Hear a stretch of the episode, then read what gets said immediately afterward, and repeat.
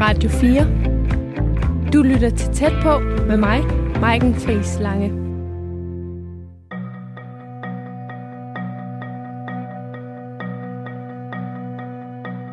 Er integrationen lykkedes? Nej. Kendskærningen er, at alt for mange er havnet på kontanthjælp. De mennesker med udenlands baggrund, der skal blive varet her i landet, de skal selvfølgelig tage ansvar og bidrage. Vi skal stadigvæk tænke på vores lille land. Det er jo en af de helt store udfordringer, vi står med, at der simpelthen er for få kvinder øh, med ikke-vestlig baggrund, der er øh, på det danske arbejdsmarked. Flygtninge er svære at få i arbejde, når de kommer til Danmark. Og for kvindelige flygtninge er det fortallet, der tjener deres egen løn. Kun 19 procent af flygtningekvinder er i beskæftigelse efter tre år i Danmark. Det viser tal fra Udlændinge- og Integrationsministeriet. Og det betyder meget for den danske statskasse.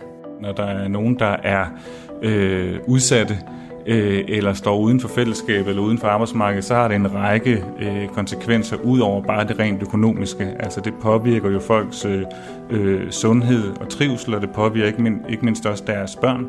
Lyder det fra Mads Tæt Drud Jensen, der er seniorrådgiver ved Dansk Flygtningehjælp. Han er en af dem, som jeg taler med i denne uges tæt på. Her forsøger jeg at finde svar på, hvorfor så få kvindelige flygtninge er i arbejde.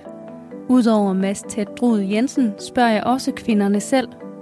For hvad har været afgørende for, at de er kommet videre fra kontanthjælp? Og hvorfor er det så udfordrende at falde til på det danske arbejdsmarked?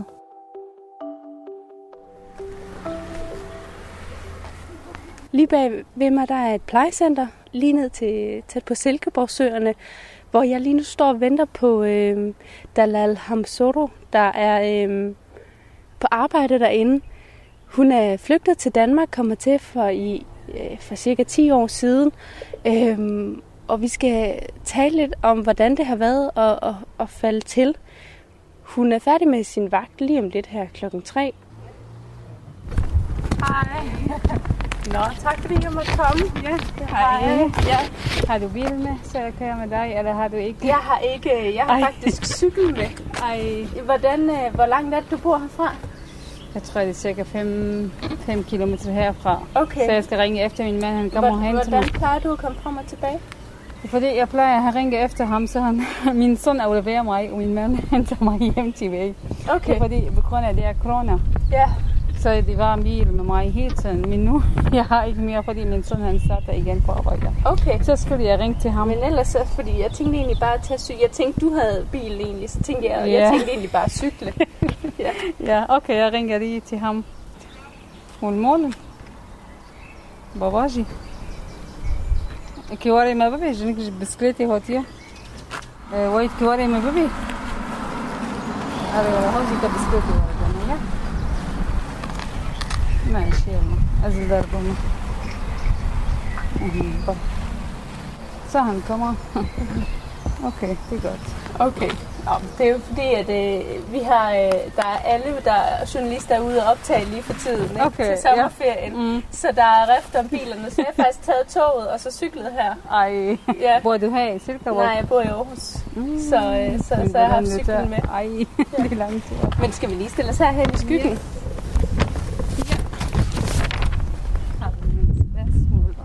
Ja. Hvad har du lavet? øh, Har det været en god arbejdsdag? Ja, det var en rigtig god dag. ja, jeg har haft øh, to af mine beboere. Jeg har passet dem fra morgen indtil nu. Ja. ja, selvfølgelig jeg hjælper nogle andre, når jeg er færdig med min opgave, så jeg passer dem, ja. Ja. Hmm. Hvor, hvad er det, du godt kan lide ved, ved at arbejde herinde? Øh, Jeg kan godt lide, at jeg hjælper de her mennesker, de bruger for hjælp, og så jeg får den smil fra dem. Det giver, en, det giver mig en stor stolthed, fordi jeg kan godt lide at hjælpe mennesker. Og støtte dem, når de har, du ved godt, det er flest af dem, der de har problemer, det er for de sidder her. Så jeg vil gerne lave sjov med dem, snakke med dem. Så Hvordan laver du sjov med dem? nogle gange jeg spørger dem tit, goddag eller goddag, hvad laver du? eller vi har den her luftliften, så jeg siger, vi skal flyve en tur, hvor vil du rejse hen? så nogle af de ting, jeg plejer hele tiden, ja. Kan de godt lide det? Ja, de elsker det. de griner af mig, og så vi griner med sammen. Ja, Ja. det er det. Hvad med... Øh, hvor lang tid er det, du har arbejdet her nu? Øh, fra i 23. marts indtil nu. Ja. Så sidste dag til mig i tirsdag, nu på tirsdag, så jeg, ja, den er færdig i praktik, så jeg skal til afslutning i eksamen bagefter. Ja, det er faktisk din sidste afsluttende praktik Nej, i jeg løbet har, af din jeg har uddannelse? En, jeg har den tredje praktik også igen. Okay. Efter når vi var to år i skole, så vi skal lave den her eksamens færdig. Bagefter jeg skal til hjempleje. Ja. Så det er en tredje praktik, så jeg afslutter i september. Den Ja. bliver helt færdig med uddannelse. Ja. Og hvordan bliver det? Øh, jeg ved ikke, fordi jeg aldrig har brugt øh, været i hjemmeplejen. Det er helt nyt for mig, så jeg skal opleve helt nyt. Men jeg har været to gange i plejecenter. Min, den her tredje praktik, jeg kender ikke, hvor, de, hvor ligger de henne, eller hvad jeg skal være i gang. Mm. det er helt noget andet, ja. Det er ikke ligesom her i plejecenter. Jeg skal være rundt og besøge hjem i privat øh, hjemme. Ja, så du skal køre rundt. Ja, er præcis. Ja. Ja. Og hvad med... Hvad er det, du godt kan lide ved, ved arbejdet? Mm, jeg kan godt lide, for eksempel på en... Fordi jeg har haft arbejde, som jeg har fortalt dig, i SFU med små børn. Men det er også svært med uddannelse og med sprog. Og så det, jeg, jeg tror, at lige nu, jeg kan godt fulde med sprog, fordi de kan godt forstå vores sprog, når vi taler med dem. Ikke som små børn. Jeg kan godt lide selvfølgelig at arbejde med børn. Jeg synes, de er meget nemmere for mig med sproglig, at vi forstår hinanden herovre. Og så jeg kan godt lide at arbejde, fordi jeg vil ikke sidde hjemme og kede mig og lave ingenting. Jeg elsker at komme i, ud og arbejde og se folk, og jeg er meget social. jeg kan godt lide social liv, så jeg, sidder, jeg, jeg elsker den arbejde, det får jeg komme i gang med, at jeg tager de uddannelser. Du har jo meget arbejdet som, som flere forskellige ting, også her i Danmark, Ja. som tolk Ja, og som- også i en SFO og så Ja. videre. Hvorfor er det lige det her, du har valgt at uddanne dig til? Haha, det er fordi, det er ligesom en kort vej, og så det er en åben uddannelse. For eksempel, når jeg tager en hjælperuddannelse, så jeg har en mulighed, at jeg tager til assistent bagefter. Jeg læser videre til assistent, og bagefter jeg kan godt læse til øh, sygeplejersker, så det er ligesom en åben og kort uddannelse. Og så det bliver tæt for mig, ligesom jeg føler mig, at jeg, jeg, er, en, jeg er en af familier i dem, i, som jeg arbejder med. Så det får jeg, jeg synes, at i øh, selve uddannelse, det er meget nemt. Så man bliver hurtigt færdig, og så er det sikkert, at du får en job bagefter. Mm. Det er allervigtigste for mig. Præcis når man er udlænding her, og når man ikke arbejder, og man ikke deltager i samfundet, så man kan ikke få den her permanent opholdstilladelse, eller man kan ikke få danske statsborger, så jeg vil gerne gå i den vej, det er, for det er vigtigt for mig, at jeg får et job, når jeg er færdig med min uddannelse. Ja. Så det er ikke nødvendigvis sikkert, at du skal være social- og sundhedshjælper hele tiden. Du kan godt tænke dig at videreuddanne dig, eller Ja. hvad? Ja. Jeg tænker, måske når jeg er færdig med hjælp, måske jeg bliver videre. jeg læser videre til assistent, hvis jeg men jeg vil gerne have først, at jeg får en, et erfaring, erfaring et år eller to år. Ja. Så jeg bliver ind i fag og med praktisk, fordi i teorien det er ikke nok. Så jeg vil gerne være også i praktisk udenfor med alle de mennesker. Så jeg bliver klar til, når jeg skal tage uh, assistent bagefter. Og hvad med sygeplejerske? Er det det, der er målet? Ja, jeg tror, at de sygeplejersker, det er fordi, det er min drøm, dengang jeg var ung pige. Så min far, han kalder mig helt tiden sygeplejerske derhjemme. Så jeg vil gerne opføre hans drøm, dengang han fortæller mig. Men jeg ved ikke, måske jeg når, eller jeg kan ikke nå. Min lige nu plan er til hjælper først. Og bagefter jeg kommer lige videre, når jeg, jeg arbejder i et år, eller lidt mere eller mindre. Jeg ved- ikke, hvad det sker med os. Nej. Nej. Til der, hvor du er, så står i dag, har, når du bare sådan lige skal svare på det kort, har det været udfordrende, eller har det været nemt? Hvad betyder det med udfordringer? svært. Nej, det var, det var nemt for mig, fordi jeg kender et sted, jeg føler mig ligesom jeg arbejder her et år. Fordi det er ikke nyt, også med personal og med mine kolleger. Vi er ligesom god familie sammen, og så vi god samarbejder sammen. Og vi hjælper hinanden, så jeg føler ikke mig, at jeg arbejder kun to måneder. Jeg tror, jeg har været her et år. Ja. ja. Og så med, per- med beboerne også, jeg kan godt se, mm. at det ikke er helt nyt for mig. Jeg tror, jeg har været her i lang tid. Men det er jo ikke alle kvinder, som er flygtet til Danmark, som, som formår at få en uddannelse eller komme kom i job.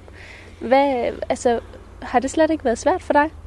Jeg tror, det var rigtig svært for mig øh, med sprog først. Fordi hele tiden, jeg, jeg siger til mig selv, at jeg skal lære sprog, at jeg, jeg skal lære mine børn, når de bliver voksne, fordi mine børn dengang de var små.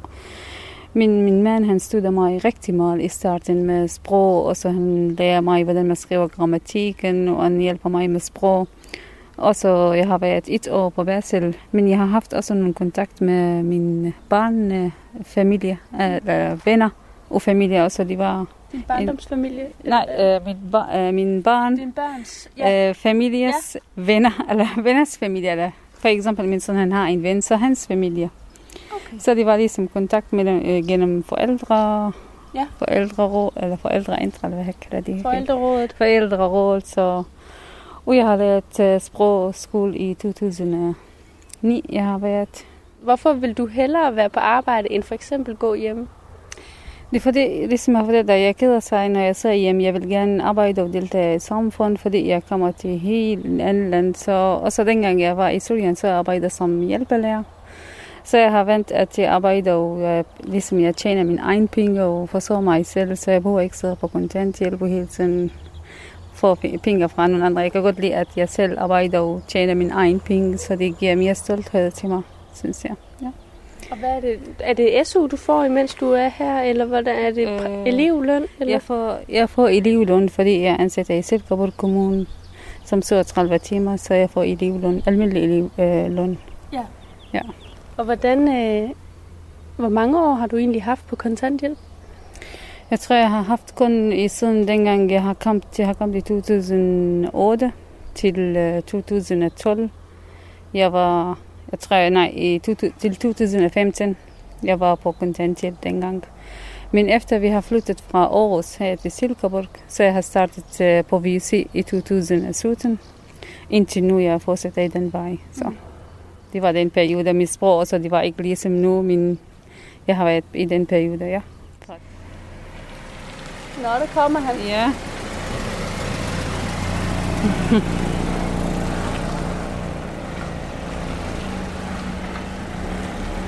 Så.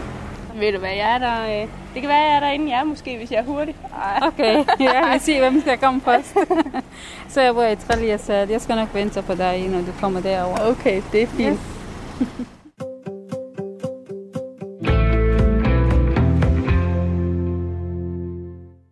Tilbage i 2008 flygtede Dalal Hamsoru fra Syrien til Danmark. Til september blev hun færdiguddannet social- og sundhedshjælper, og jeg har netop set, hvor hun er i praktik som en del af hendes uddannelse. Dalal Hamsoru er en af dem, som er kommet videre fra kontanthjælp og tjener i dag sine egne penge. I det her program forsøger jeg at få en svar på, hvad det er, der har været afgørende for, at Dalal Hamsoru ikke længere er på offentlig forsørgelse. Hun beskriver selv, at en del af forklaringen er, at hun er vant til at arbejde, da hun boede i Syrien. Og jeg har taget uddannelse efter, når jeg bliver gift, dengang jeg har to små børn. Så min mand også hjælper mig med, at jeg går i gang med de her uddannelser. Så jeg har bestået første gang, og bagefter jeg har søgt et job som hjælpelærer derhjemme, fordi i Syrien må man godt øh, ligesom studere barn i 0. klasse til 6. klasse. Med, med fag for eksempel med, mon, øh, hvad hedder det? Ikke matematik, fordi jeg hader matematik. Jeg kan godt lide den andre fag, ligesom historie eller grammatik eller eller de arabiske grammatik, vi har. Så jeg har hjulpet dem med, med lektier, fordi jeg har, jeg og min mand, vi har selv arbejdet og tjent vores penge. Og ja, det var det. Det var det, jeg har, jeg kan godt lide arbejde dengang. Så du som kvinde kunne også godt have et arbejde, for Ja. eksempel? Ja. Selvom jeg var og passer mit barn, mine barn de var små, de er, han er på 20 år, og den anden, han er på 19. De var også dengang, de var lille. Jeg kan godt huske, at i 2003, så er jeg færdig med min uddannelse i gymnasium, så bagefter jeg får et job. Men det var ligesom privat derhjemme, så er der børn, når de kommer fra skole, så forældrene de betaler for os til hver barn, for eksempel, dengang. Altså, når vi så man betaler for børnepasning? Ja, lige ja. præcis, ja. Men det var ikke pasning, det var undervisning. Så vi underviser dem, for eksempel, nu de er svært med sprog. Så vi hjælper dem med arabiske sprog. Fordi min arabiske sprog, de var fuld. de er mere end araber, fordi jeg har øh, opvokset i Aleppo. Og alle omkring os, de taler arabisk. Også skolen, de var helt på arabisk, ja. Men efter når jeg bliver gift, så vi har flyttet ud i landet, så vi finder et job derovre. Du ved, at når man bor i, i Aleppo i store, ligesom for eksempel København eller Aarhus, så det er lidt svært, at man finder et job. Så vi har boet lidt ud i landet, så jeg og min mand, vi fik job begge to, hvor vi underviser øh, barn derhjemme. Ja, min så jeg forstår, Isa, at du havde både børnene, du skulle passe derhjemme, og et arbejde. Ja, begge de. Hvordan kunne, du, kunne det lade sig gøre? Jeg passer mine børn, men det er ikke som, ligesom når du er hele tiden sammen med dem. Selvfølgelig, de, de har nogle ting. Min mand, han hjælper, og hun også var på arbejde i den periode, jeg, jeg læser derhjemme. Vi har aldrig har været i skole. Jeg tager alle notat derhjemme og læser. For eksempel, jeg vågner klokken 4 om morgenen, og jeg sidder og læser min, min opgave, og jeg skal lige færdig med den her til eksamen. Og mine børn nogle gange bliver sultne, nogle gange de kan selv tage nogle mælk fra køleskabet til klokken tre, når jeg er færdig med min opgave, eller med alle de, jeg, skal, jeg skulle. Så jeg laver mælk, vi sidder og spiser sammen. Så jeg synes, det var rigtig svært for mig i starten, ja, selvfølgelig. Og så børn, de var ikke ret store, at de klarer selv at lave mælk selv. Så det var nogle gange, jeg siger, at I må godt gå til køleskab, så jeg må tage alt, hvad I vil. men, men grund til, at jeg også spørger, fordi det er jo fordi, at jeg, jeg, jeg vil høre dig om, om det med, at du har arbejdet også i Syrien, mm. været vant til det, at ja. det har også spillet ind på, på din måde at, at gå til ja. det danske arbejdsmarked. Ja. Tror jeg du det? det? Jeg tror, det hænger sammen begge to. Jeg arbejder sammen med barn, og så jeg vil gerne fortsætte min mål her. Men i starten selvfølgelig, det var stort øh, forskel, fordi sproget, det var heller ikke den arabiske sprog, det hele nye land, og så jeg var helt alene her. Men dengang jeg var der, min mor eller min søster eller min mands familie, de kom og besøgte os. Ja, jeg synes, det er rigtig svært, men jeg vil gerne også nå den mål, fordi i første samtale, man får med sagsbehandleren, hun spurgte, øh, de var 12 år som med, hvad vil du arbejde her i fremtiden i Syrien, eller i, den undskyld i Danmark. Jeg har sagt til hende, jeg vil gerne arbejde med børn i SFO, hvis det er, fordi det er min drøm, så jeg vil gerne fortsætte i den vej. Men jeg kan godt huske, at fra start indtil nu, hver gang, når hun spørger mig, hvad vil du i gang med? Jeg siger hele tiden, at jeg vil gerne arbejde i SFU mm. med små børn, ligesom dengang. Jeg har en baggrund i Syrien, men selvfølgelig det sprog er meget forskelligt. Men jeg kan godt lide den pædagogiske øh, undervisning, fordi jeg har en det store forskel mellem Syrien og også her. Så jeg vil gerne gå i gang med det. Mm, så du har sådan ligesom hele tiden sagt fra starten af til ja. din sagsbehandler, at, at du gerne vil i ja. arbejde? I men så blev så, ja. ja, i SFO, og så blev det jo ikke det. Altså, ja. du har jo været i praktik ja, i en SFO. ja. Der lærte du meget øh, sprog. Mm. Men det er jo ikke det, du så er endt med. Nej. Hvorfor ikke? Hvis man læser til pædagog, det tager fire år, så det er rigtig svært uddannelse. Men, men har det så været afgørende, det her med, at du startede på social- og sundhedshjælperuddannelsen, at den var kort? Ja, den var kort for, i forhold til den, øh, pædagoguddannelse. Det er fordi pædagoguddannelse det er mere svært sprogligt, og det tager fire år, og det er ikke sikkert, at man finder et job bagefter. Derfor jeg har valgt den uh, social sundhedshjælper.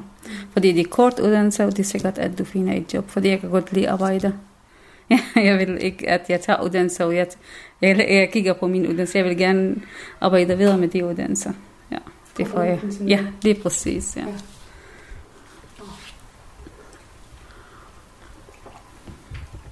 Der er jo nogen, som tænker, når man hører det, at, at nogen kommer fra Syrien, så kan man jo godt tænke, at der har været krig i mange år, man er flygtet derfra, øhm, og det har gjort, at man ikke kan være i stand til at tage et arbejde i Danmark, fordi man måske har oplevet nogle ting, som har gjort, at man har depression, eller har det dårligt af en, på, en, på en anden måde. Yeah.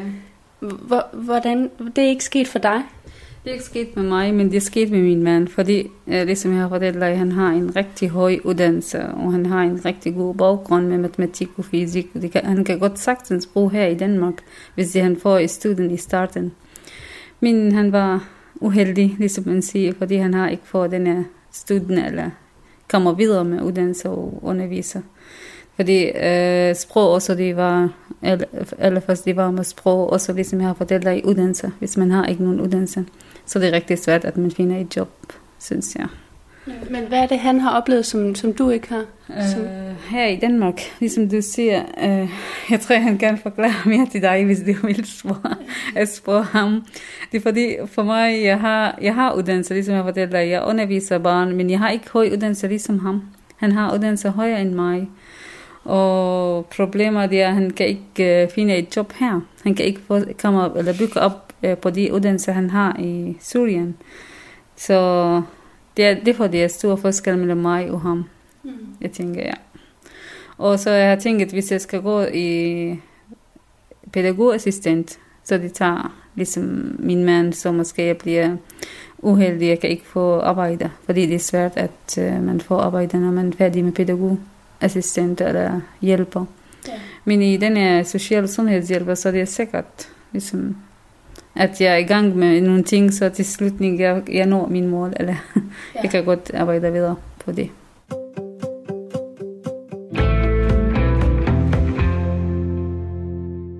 Denne uges tæt på handler om kvindelige flygtninge og deres vej til et arbejde i Danmark.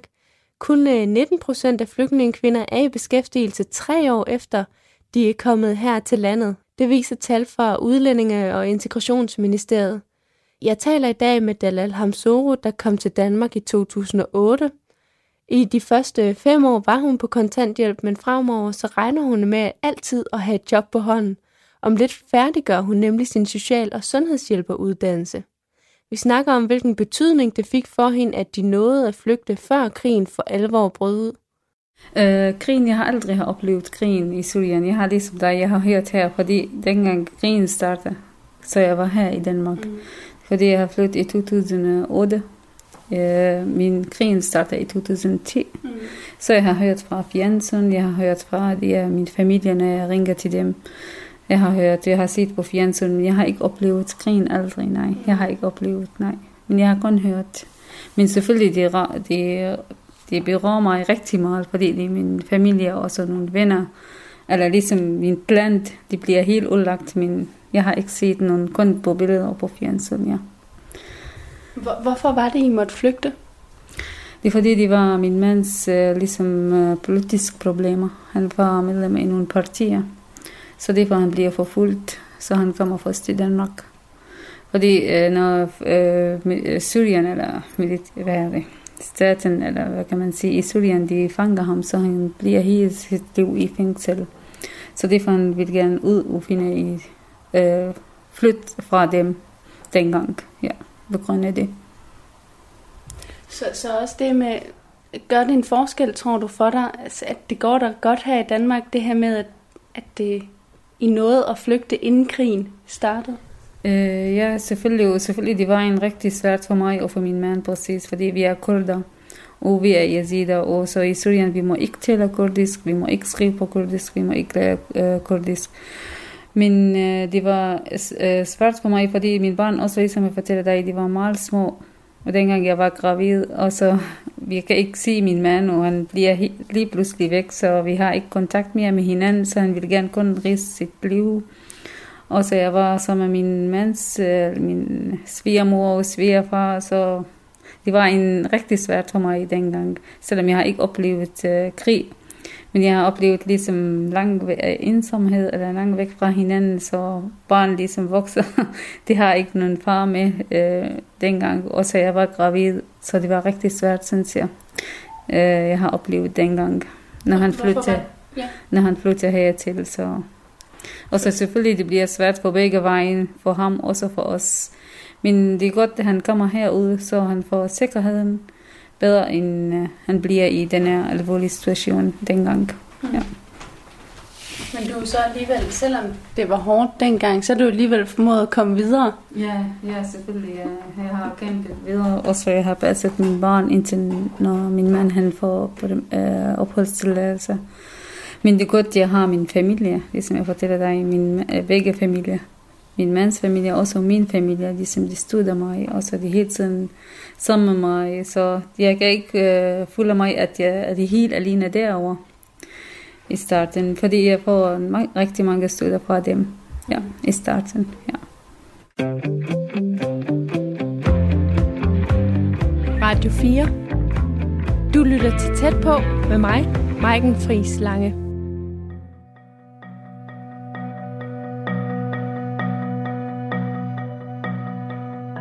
Velkommen til Tæt på, der i denne uge handler om kvindelige flygtninges vej til at arbejde i Danmark. Kun 19 procent af kvindelige flygtninge er i beskæftigelse efter tre år i Danmark. Det viser tal fra Udlændinge- og Integrationsministeriet. I dag taler jeg med Dalal Hamsoro, der kom hertil i 2008 og til september bliver færdiguddannet social- og sundhedshjælper. Lige nu snakker vi om, at det også er en fordel for hende i hendes nye arbejde, at hun kommer fra Syrien.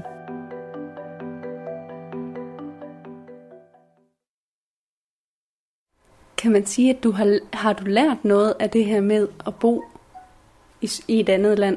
Fra Syrien, jeg tror, at jeg, jeg tager nogle erfaring, at selvfølgelig det giver mig stærkere her i Danmark.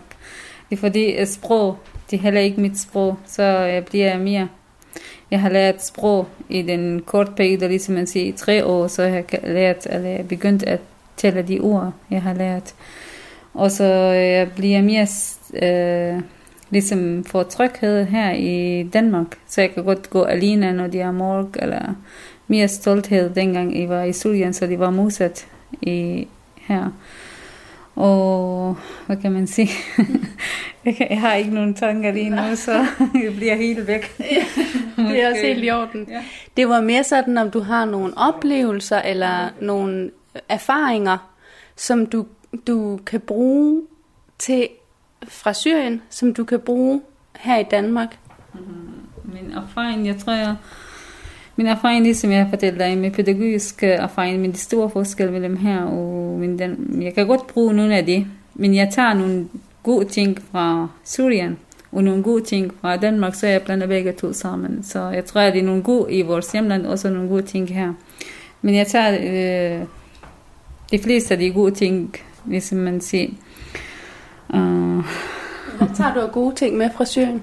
Uh, fra Syrien for eksempel, vi har den her respekt det er stort, de fulde alt for meget, for eksempel, at man respekterer de, øh, de ældre, eller man respekterer nogle, for eksempel nogle, du ikke kender.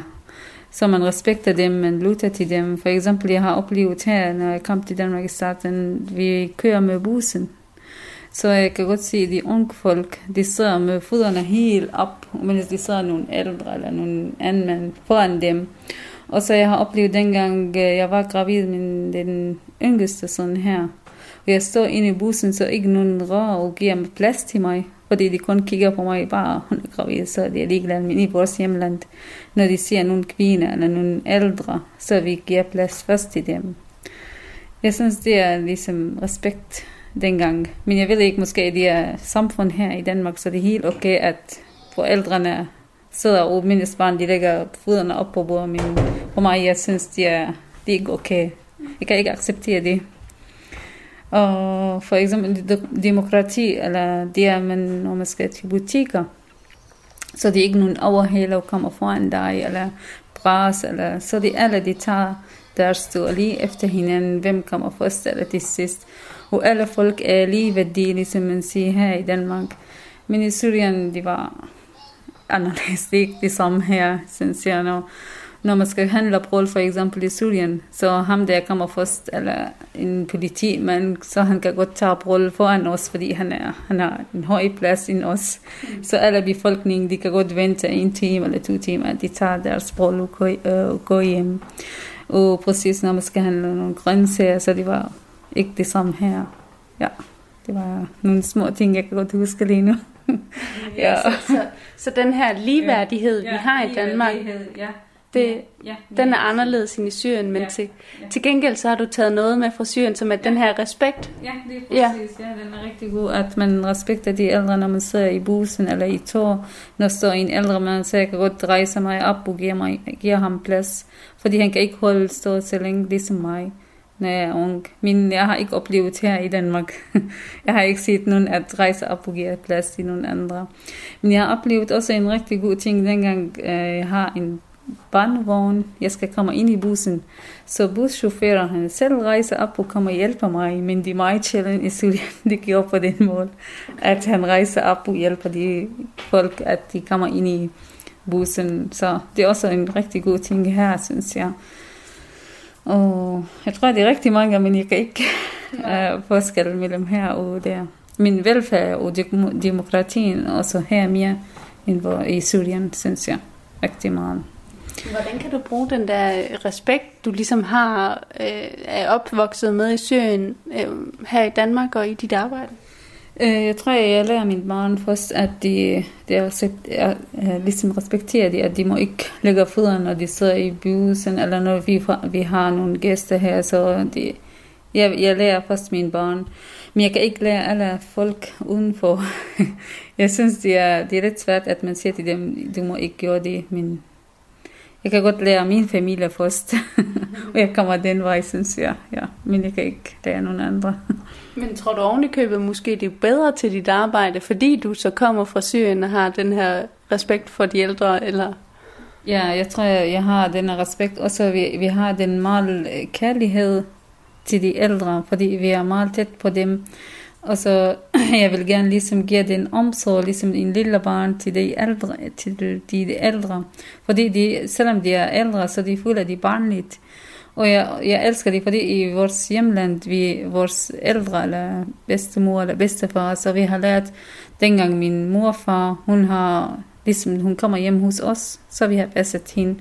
Jeg og min søskende og min far og min mor, alle vi har passet hende, ligesom hun er en del af familien, hun er min bedstemor, for, for eksempel. Men jeg kigger her i plejecenter, så de savner deres barnebarn, de savner deres uh, træn eller pige, så de kan ikke se dem, for eksempel nogen bor langt væk. Så jeg giver den omsorg, dengang jeg har givet til min bedstemor, min bedstefar, ja. Det er også en stor, uh, jeg tror, det er stor forskel her i, i forhold til plejecenter yeah, if for example i Syrien, så det er meget sjældent, at uh, bedstemor og bedstefar de sidder inde i plejecenter, når de har nogle barn, de passes. Eller en barn eller barnebarn, de passer dem. Så på ikke de kører til plejecenter. Men her, det tror jeg, de er okay, fordi de er barn, de kan ikke passe mere mor, sin mor eller sin far, så de helt naturligt, de kommer helt eller realistisk, man siger, at de kommer til plejen, så det er okay for dem. Men jeg giver den omsorg, dengang jeg giver til min bedstemor, ligesom jeg har fortalt dig for de, de er ældre, jeg har lige nu.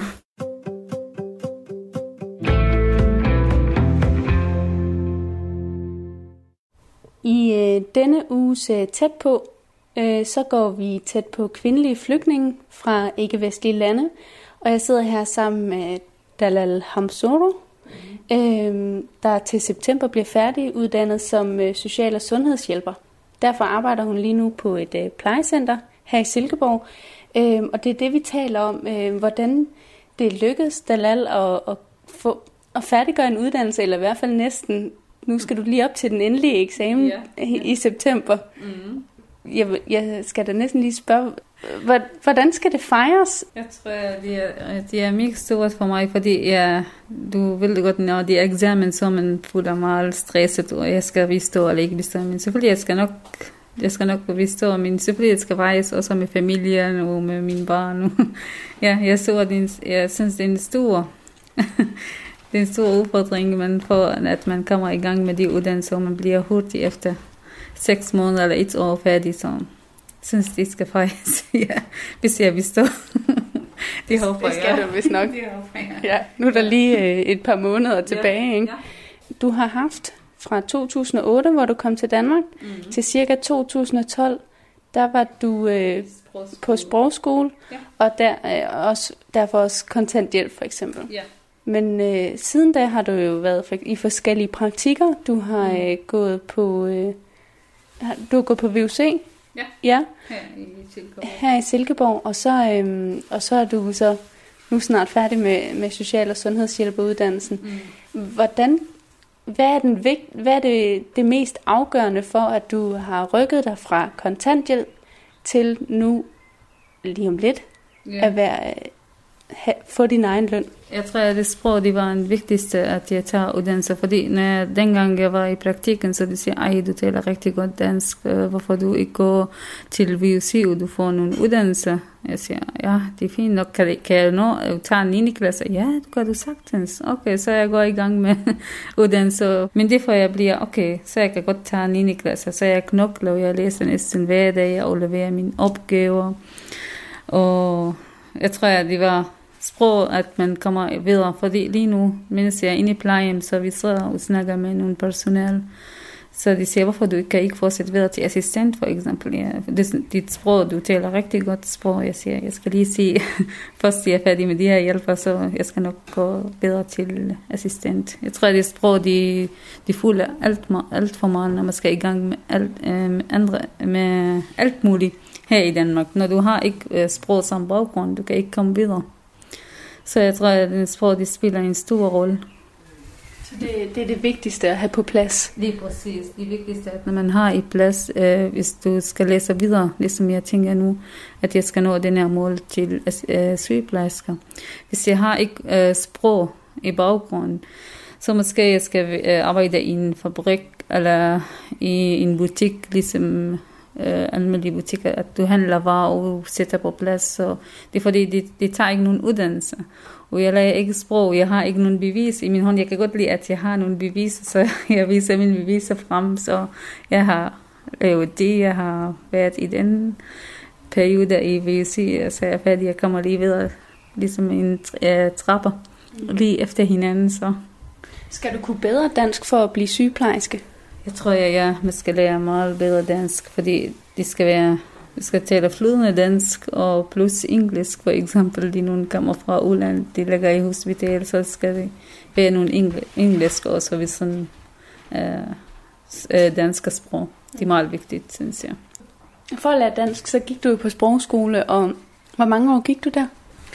Øh, ja, vi har kommet i 2008 til 2009. Jeg tror, jeg har været, øh, men jeg var gravid, så jeg får et år barsel derhjemme.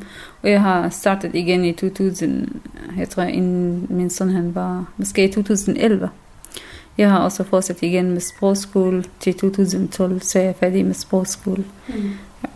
Ja. ja. Så hvor meget man skal regne to år, eller to et halvt år, jeg kan ikke. Jeg er ikke god til matematik.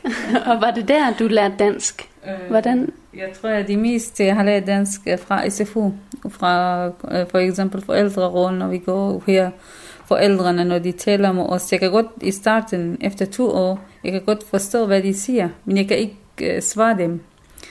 Uh, og jeg har lært mere sprog i SFU, synes jeg, fordi børn de taler rigtig mange ord, end det for eksempel 100 ord, de gentager hele tiden. Og jeg kommer til, at nogle gange jeg snakker med børn de, i SFU, de spørger mig, taler du engelsk? Jeg siger, nej, jeg taler dansk. Men de kan ikke forstå mit sprog dengang. Men jeg kan godt, uh, alle de ord, de kommer lige så fast i en sted igen, synes jeg. Men efter tre år, så er jeg begyndt at sige, at jeg siger de lige mig, selvom de er forkert eller det rigtige. Så jeg vil gerne uh, snakke med folk.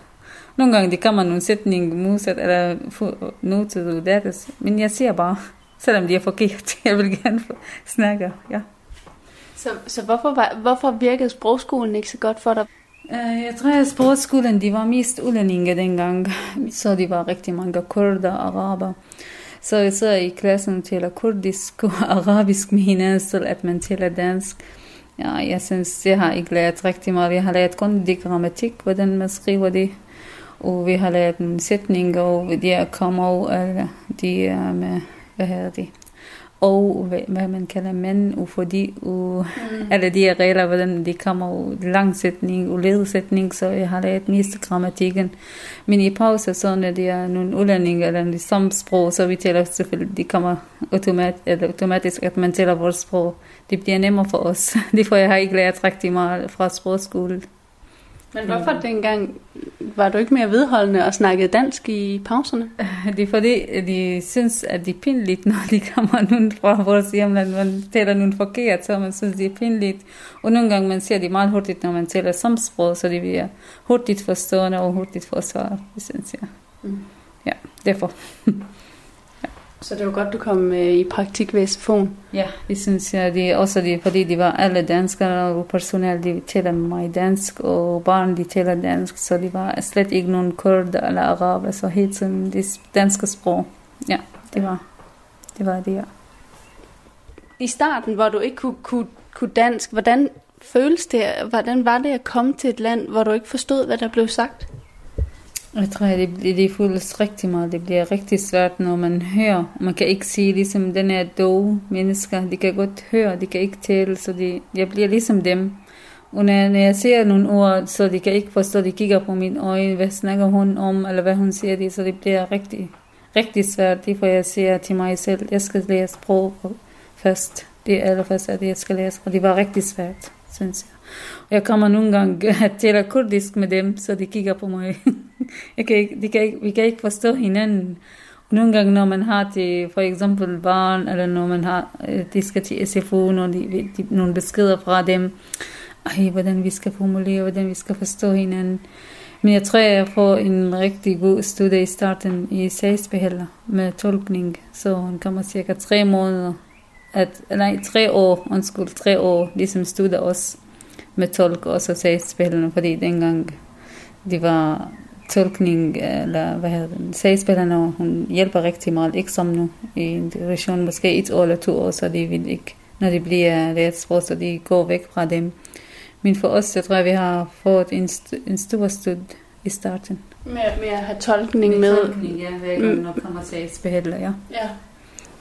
Kan, kan du huske sådan en særlig gang, hvor, hvor det har været træls ikke at kunne dansk? Mm. Hvor det har givet udfordringer ikke at kunne dansk? Jeg kan ikke huske det nu. mm. Det tror jeg, når jeg skal føde min søn i hospitalet. Når man har ondt, og man skal forklare, så det ikke nogen forstår. Men det var også tolk ved sådan af mig. Men det var lidt pinligt, at når man kender sprog, så det er bedst, at jeg, jeg snakker med dem person til person. Men dengang jeg kender heller ikke sprog, hvad de siger, eller hvad de spørger om.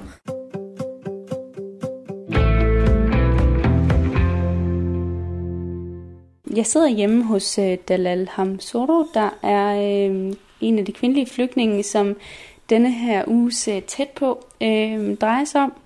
Øh, jeg forsøger i den her uge at finde svar på, hvorfor nogle kvinder øh, lykkes med at få et job eller komme i uddannelse, øh, og andre ikke gør.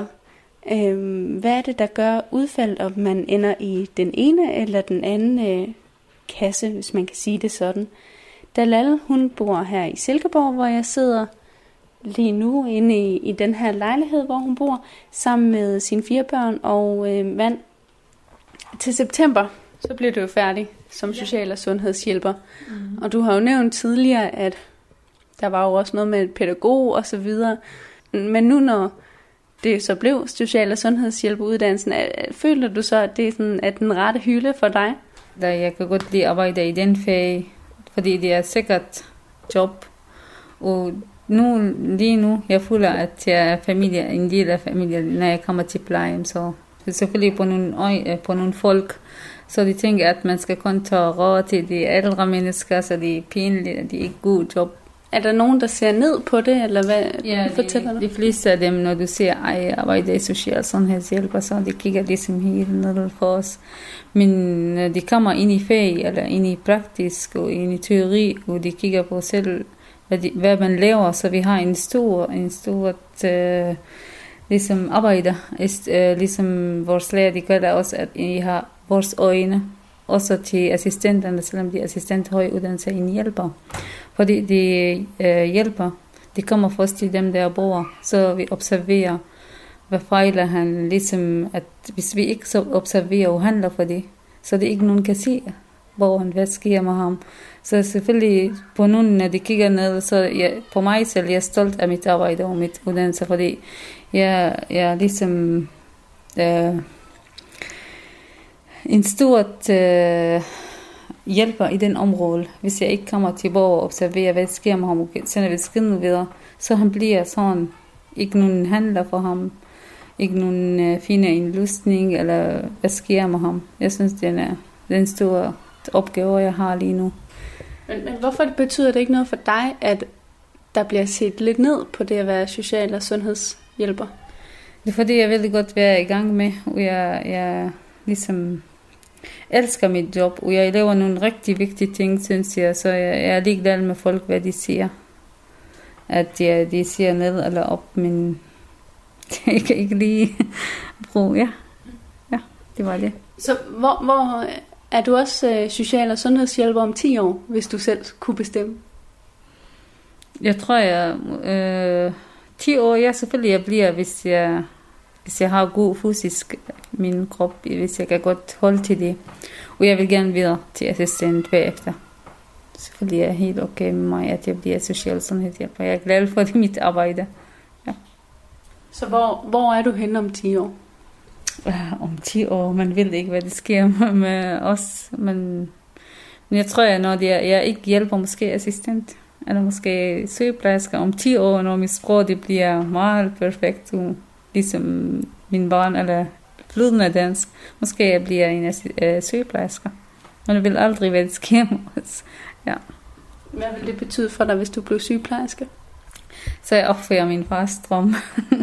ligesom jeg har fortalt dig, dengang jeg var ung, eller jeg var 10, 5. 6. klasse, så min far kalder mig hele tiden sygeplejerske derhjemme, fordi hver gang, når han mangler, han har haft uh, diabetes, og han har også nogle hjerte, hjerteforkalkning, så hver gang, når han, har, når han skal have medicin, så han siger til mig, du er god til at finde min medicin frem, så jeg afleverer medicin, som han skulle tage fra morgen til aften, ja. Og han, men hvorfor er det vigtigt for dig at opfylde hans drøm? Uh, det er fordi, ja, jeg elsker min far, og, jeg, og jeg, jeg kan godt lide at lave nogle ting, og de føler mig, de er ligesom jeg føler mig ind i. Og jeg laver nogle ting, jeg ligesom redder folk uh, liv.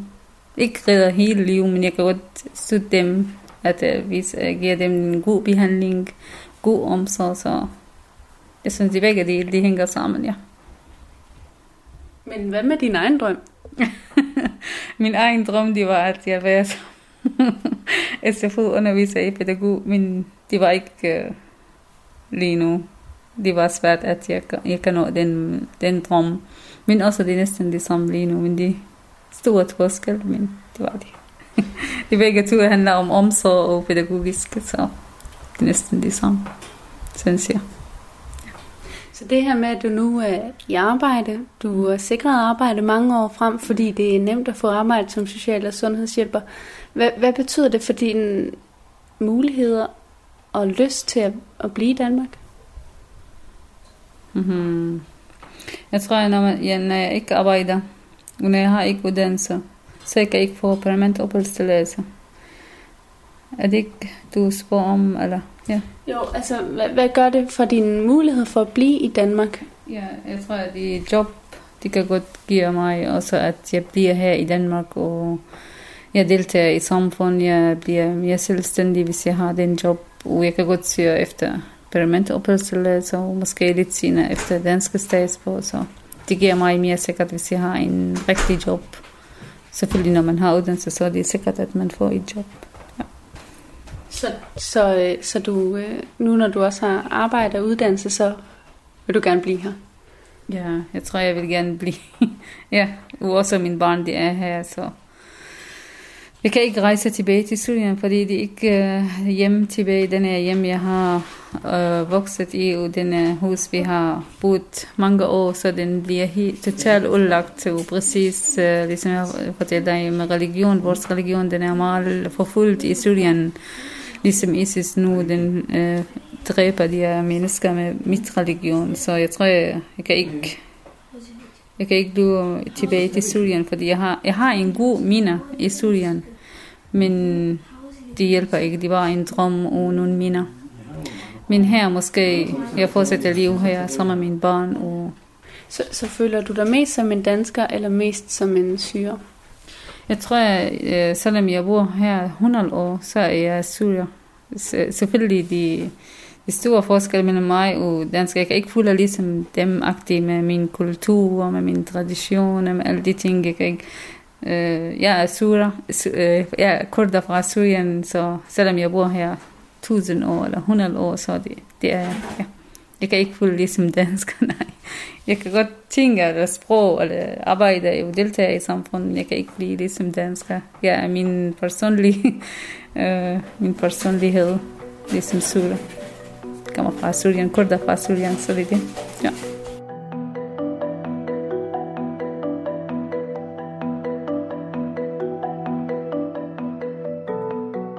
Lyttet til Tæt på på Radio 4, der i denne uge handler om kvindelige flygtninge. Det var Dalal Hamsoro, der medvirkede i denne udsendelse. Jeg har brugt klip fra TV2, Altinget og regeringens hjemmeside. Udsendelsen var tilrettelagt af mig, Maiken Friis Lange, og du kan genhøre den på Radio 4's hjemmeside, Radio 4's app, iTunes eller der, hvor du plejer at hente din podcast.